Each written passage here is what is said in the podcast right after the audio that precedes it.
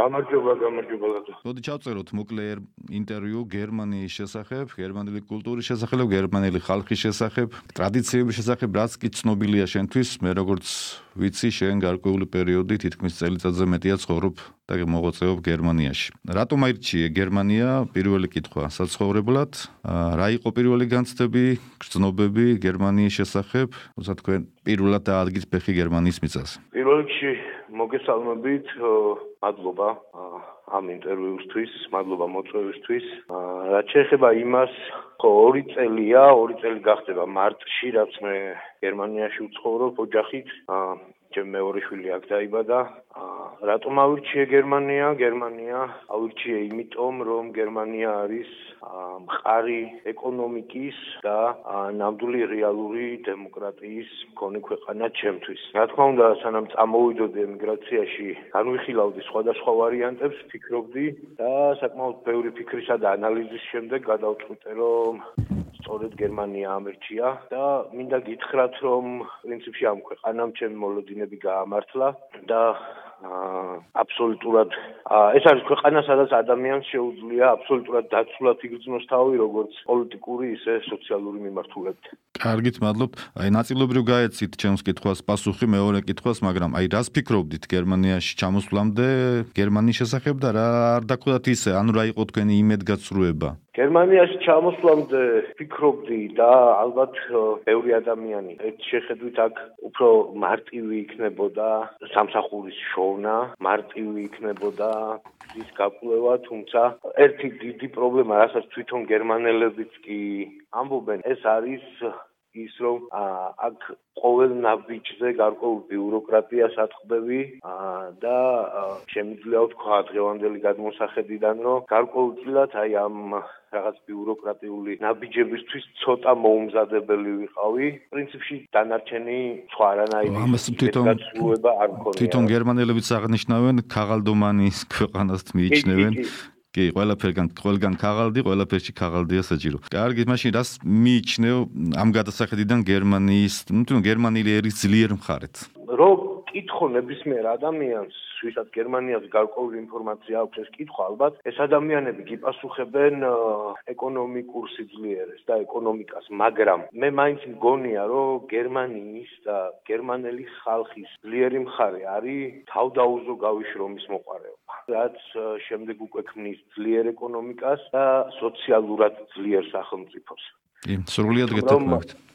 აქ აქ ჩამოსვლის პირველივე წუთიდან და მას შემდეგ რაც მე გარკვეულწილად შევძელი ის რომ დამეწყო მუშაობა და დავსაქმებულიყავი დავინახე ზუსტად ერთ დღეში როგორ შეიცვალა ჩემს მიმართ ადამიანების უცხო ადამიანების დამოკიდებულება და რამდენად დადებითად განეწყნენ ისი და ყოველდღიურად მე ვუყურებ ადამიანებს რომლებიც მთელი დღის განმავლობაში თავდაუზუგავად მუშაობენ და სწორედ ამ მუშაობით აღწევენ იმას რომ ეხმარებიან სახელმწიფოს ეკონომიკურ სიძლიერეში და აღწევენ პირად სოციალურ კეთილდღეობას რაც ჩემი აზრით ეს ქართველებს საქართველოსში გვაკლია აი გერმანული ხასიათის სიცივე, აი ამ გადასახედიდან როგორია თქვენს მართლ ცივი ხალხია, როგორც ფიქრობენ საქართველოსში თუ ეჩვენებათ, მოჩვენებითია ეს?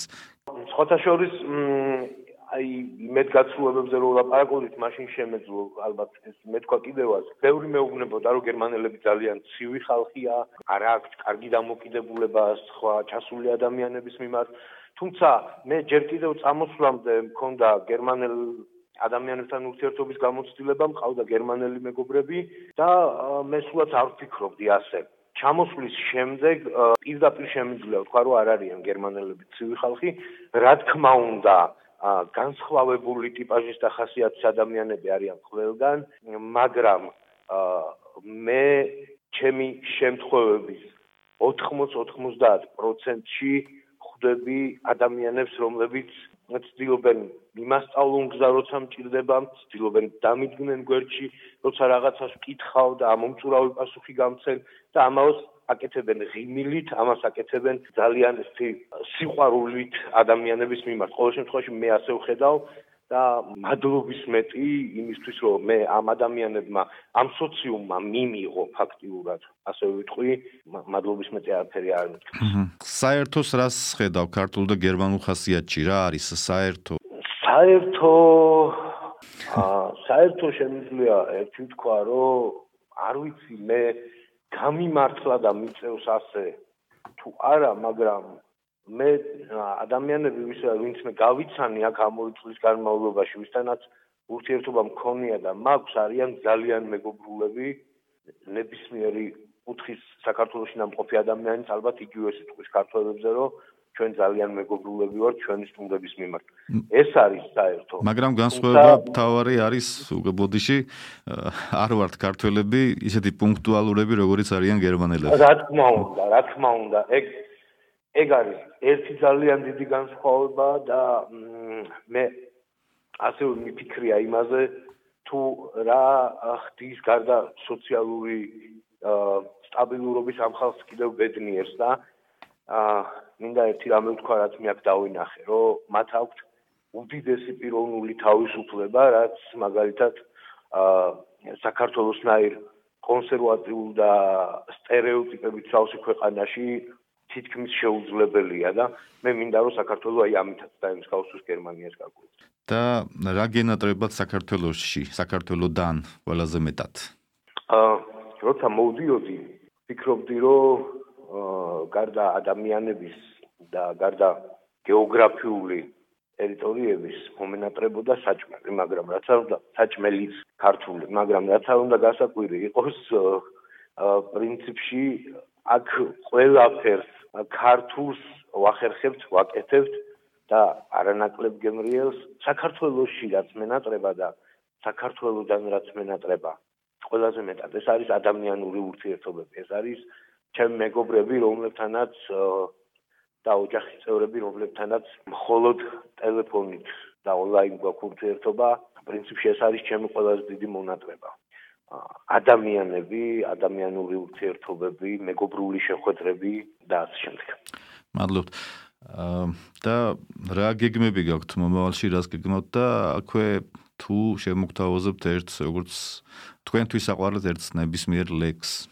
კი ბატონო, პირველ რიგში ჩემს საომავლო გეგმებთან დაკავშირებით მინდა ვთქვა, რომ რიგი გარემოებების გამო მე გადაწყვეტილი მაქვს, არ ვიცი ზუსტად როდის, მაგრამ მე გადაწყვეტილი მაქვს საქართველოს დაბრუნება, თუმცა ამას გარკვეულ დროს ჭირდება ასევე სხვადასხვა გარემოებების გამო და საქართველოსში გადაწყვეტილი მაქვს რომ აბსოლუტურად შევიცვალო პროფილი და გავყვე გავყვე უფრო სოფლის მეურნეობას და მე ვფიქრობ რომ საქართველოს გადარჩენაც რაღაცნაირად სოფლის მეურნეობაშია და ბევრმა უნდა მივხედოთ ამ სფეროს. ამ რაც შეეხება ჩემს საყვარელ ლექს ორი პატარა სტროფი მინდა წავიკითხო რადიარდ კიპლინგის, რომელიც გონია რომ ყველა ადამიანმა ზეპირად უნდა ისწავლოს. თუ ძალგიც დარჩე ძველებურად მშვიდი და მткиცე, დარდაიბნე როცა თავგზაებნევა ყველას. თუ ძალგიც სიმხნედ შემართებად და რწმენად იქცე, როდესაც ირგვლივ მკვდარი არის შენ და მის რწმენა. თუ შეგწევს ძალა, გაიაზრო ყოველი წუთი აზრით დატვირთო სამოცივე ფეხმარდი წამი მაშინ შენია ჩემო ძმაო ეს მიწის ბურთი ადამიანიც მაშინ გქვია და გერქვას ამინ თქვენი საყვარელი სიმღერა, რა თქმა უნდა, ქართული. ხო. რაც შეეხება სიმღერას, მე ერთი რამე მინდა ვთქვა იმ ადამიანებისთვის, ვინც ამას მოისმენს და ვისაც თქვა რომ ისმე უფიქრია ქართულ კულტურას გაეცნოს, რა თქმა უნდა, ქართული ხალხური სიმღერა არის შეუდარებელი და სოფლიოს ბევრ ქვეყანაში არ ყავს ანალოგი და პრინციპში არსად არ ყავს ანალოგი.